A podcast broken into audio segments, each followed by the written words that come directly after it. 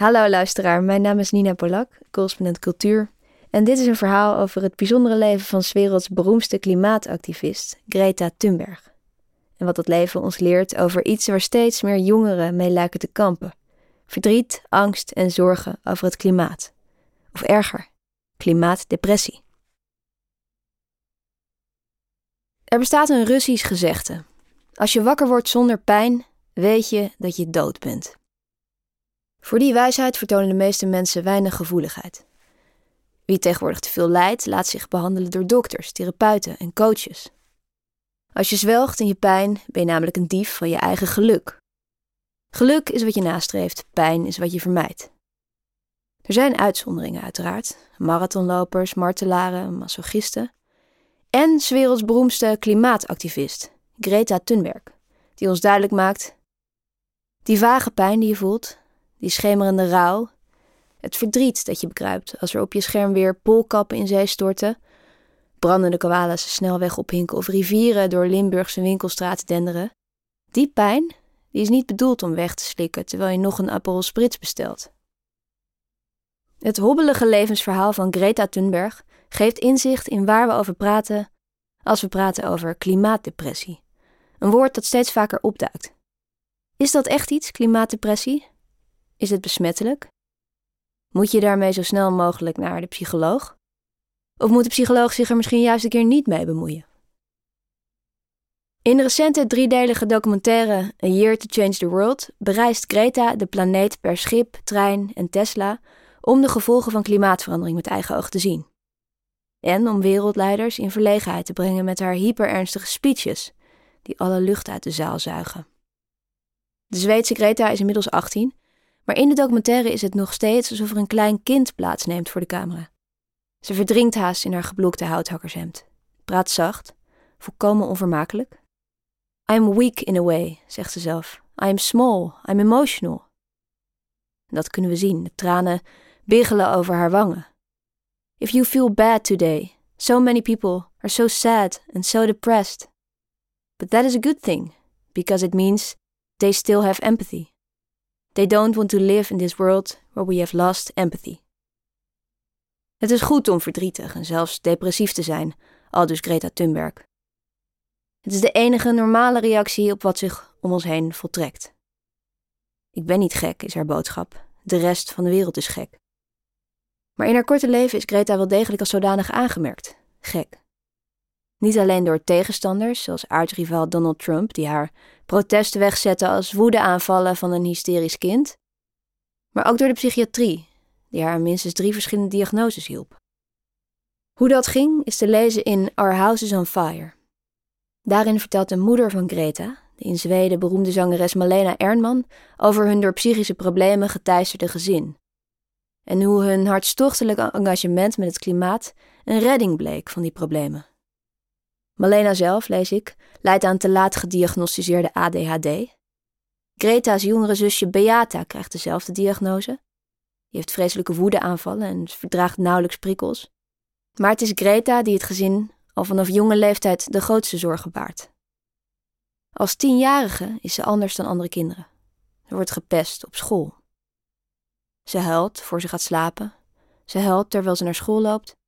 Ze huilt in de klas zodat haar docent bijna iedere dag haar ouders bellen. Thuis zit ze naast de Golden Retriever, aait en vacht.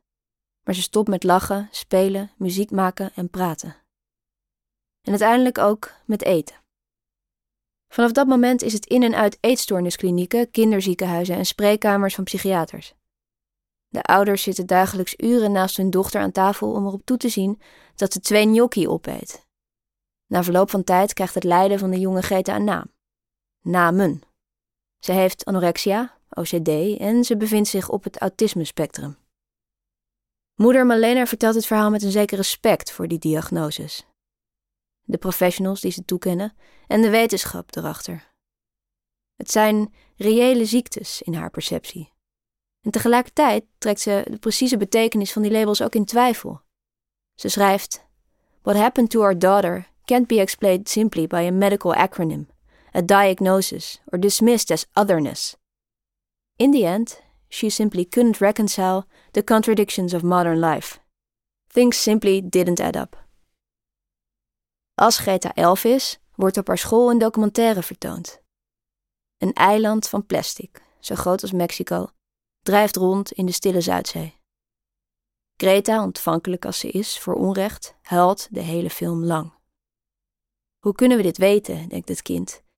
En toch doodleuk doorgaan met vliegreizen boeken, Big Macs bestellen en onze lege colaflessen in zee flikkeren.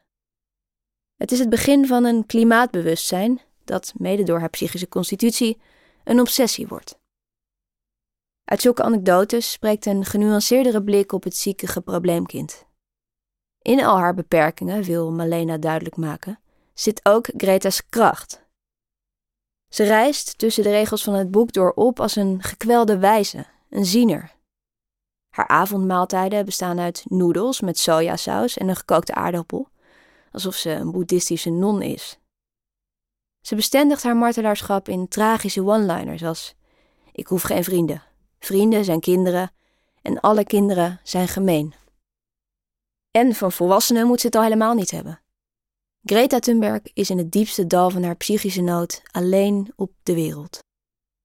Liever dan met mensen communiceert ze met dieren of met de natuur. En precies dat maakt haar een uitgelezen icoon in een tijd dat zoveel het gevoel hebben dat wij mensen de relatie met de natuur verloren zijn. Malena schrijft: Greta has a diagnosis, but it doesn't rule out the fact that she is right and the rest of us have got it all wrong.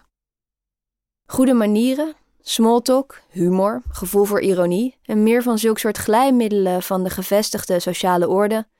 Greta Thunberg ontbeert ze door een ondergrondelijke combinatie van neurologische en psychologische factoren. Dat maakt haar een doodongelukkig kind en een patiënt in een wereld die ten koste van alles draait om status en consumptie. Het maakt haar inmiddels voor veel volwassenen ook, ook tot zo'n beetje het enige dat onuitstaanbaarder is dan een schijnheilige. Een heilige. Gekke Greta Thunberg heeft gelijk. Iedereen weet het. Het is een gelijk dat er bij de meeste normale mensen zonder glijmiddel niet ingaat. If we don't change, we are fucked. Hoe het verhaal verder gaat is bekend. Noem het haar stoornis of haar talent. Niet in staat om de tegenstrijdigheden van het moderne leven te verenigen, strijkt Greta, 15 jaar oud, in augustus 2018 moederziel alleen neer voor het Zweedse parlementsgebouw. Zij heeft een kartonnen bordje met erop de tekst Schoolstaking voor klimaat, maar dan in het Zweeds. Op dag 2 van het protest wordt ze vergezeld door een klasgenoot en een jaar later hebben honderdduizenden jongeren haar voorbeeld gevolgd. De schoolstaking voor het klimaat is een wereldwijde beweging geworden. Voor de familie Thunberg is het een keerpunt. Greta is voor het eerst in jaren gelukkig. Ze lacht, ze slaapt vredig, schrijft Malena. Ze lepelt zomaar een hele bak vegan pad leeg. Dat heeft geen psychiater nog voor elkaar gekregen in acht jaar. De impact van haar actie levert haar, naast de diagnose die haar altijd hebben gedefinieerd, ook een heel ander predicaat op. The most powerful teenager on the planet. In 2019 roept Time Magazine haar uit tot Person of the Year.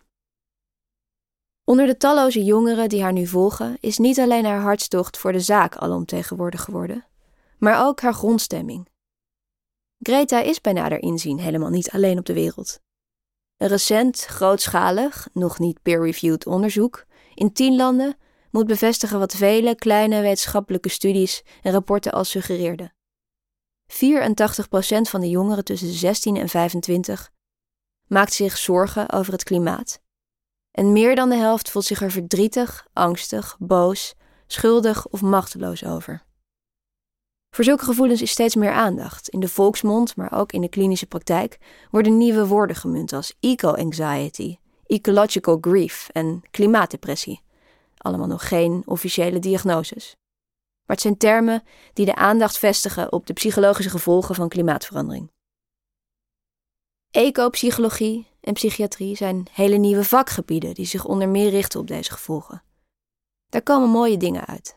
Het besef bijvoorbeeld dat de psychologie en psychiatrie in het verleden voornamelijk gericht zijn geweest op intermenselijke relaties, terwijl mensen ook ingebed zijn in hun fysieke omgeving. Mensen hebben ook relaties met dieren, bomen en met de grond waarop ze leven. Hoe vreemd is het eigenlijk om dat niet mee te nemen als het gaat over hun welzijn? En kun je eigenlijk wel spreken van menselijk welzijn zonder het welzijn van al die andere wezens mee te wegen? Wezenlijke vragen. Maar er wringt ook iets aan de manier waarop er verslag gedaan wordt van dingen als klimaatdepressie. Is het een echte diagnose? vragen journalisten zich af. Wanneer komt het in de DSM? Ze publiceren lijstjes met dingen die je eraan kunt doen en verwijzen naar praatgroepjes en klimaatpsychologen. In een korte documentaire over het onderwerp, die jonge klimaatactivisten volgt, is een somber meisje aan het woord dat uit principe geen nieuwe kleren meer koopt en zelf haar oude repareert. Als je gewone kleren zou dragen, krijgt ze van een leeftijdsgenootje te horen, dan zouden mensen je wel aardig vinden. Een paar shots later zien we het meisje met een megafoon door de Kalverstraat marcheren. Mijn blik blijft haken bij een aantal jonge omstanders. Ze staan in de rij voor de Primark, lurkend aan een frappuccino, vol afreizen te kijken naar die losers van Extinction Rebellion in hun voddige kleren. De vraag dringt zich op wat hier precies het voer voor psychologen is. Is het de klimaatdepressie van de demonstranten? Of de koopziekte, de statusgekte, de morbide zelfzucht, verdovingslust, het pathologisch gebrek aan empathie van het winkelpubliek? Drammer, klinkt het in mijn achterhoofd, humorloos, moralistisch. Het is diezelfde stem die vergoelijkte dat ik vorige week naar Kopenhagen vloog om in een toprestaurant beer te eten. Beer, ja. Een streekproduct, roept de stem nu wanhopig. Ongelooflijk lekker. In mij lijken inmiddels twee menstypen te leven die elkaar voortdurend in de haren vliegen. Ene staat grijnzend in de rij bij de Primark, het ander huilt. Greta Thunberg, een psychiatrische patiënt wier stoornis er onder meer uit bestaat dat ze maar één menstype tegelijk is, heeft de wereld met een cruciale vraag geconfronteerd. Wie is hier nu eigenlijk gek? Dat is geen bijzonder originele gedachte meer, maar aangezien het nog steeds de psychiatrie is die zich bezighoudt met het bewaken van de norm, is het misschien zinvol om nog eens op te merken dat inmiddels meer dan de helft van de jongeren wanhoop en verdriet ervaart over het klimaat. Klimaatdepressie is nauwelijks een stoornis te noemen. Het zou best eens de norm kunnen worden. Rationeel gedrag. Logischer zou het zijn voor het vakgebied om zich naar goed gebruik te richten op wat buiten die norm valt. De mensen zonder klimaatpijn. Wat mankeert deze gelukkige zielen eigenlijk? Hoe gaan we ze behandelen? En hoe zullen we de diagnose noemen? Dank voor het luisteren. Wil je onze journalistiek steunen? Word dan lid van de correspondent. Ga naar decorrespondent.nl/slash wordlid.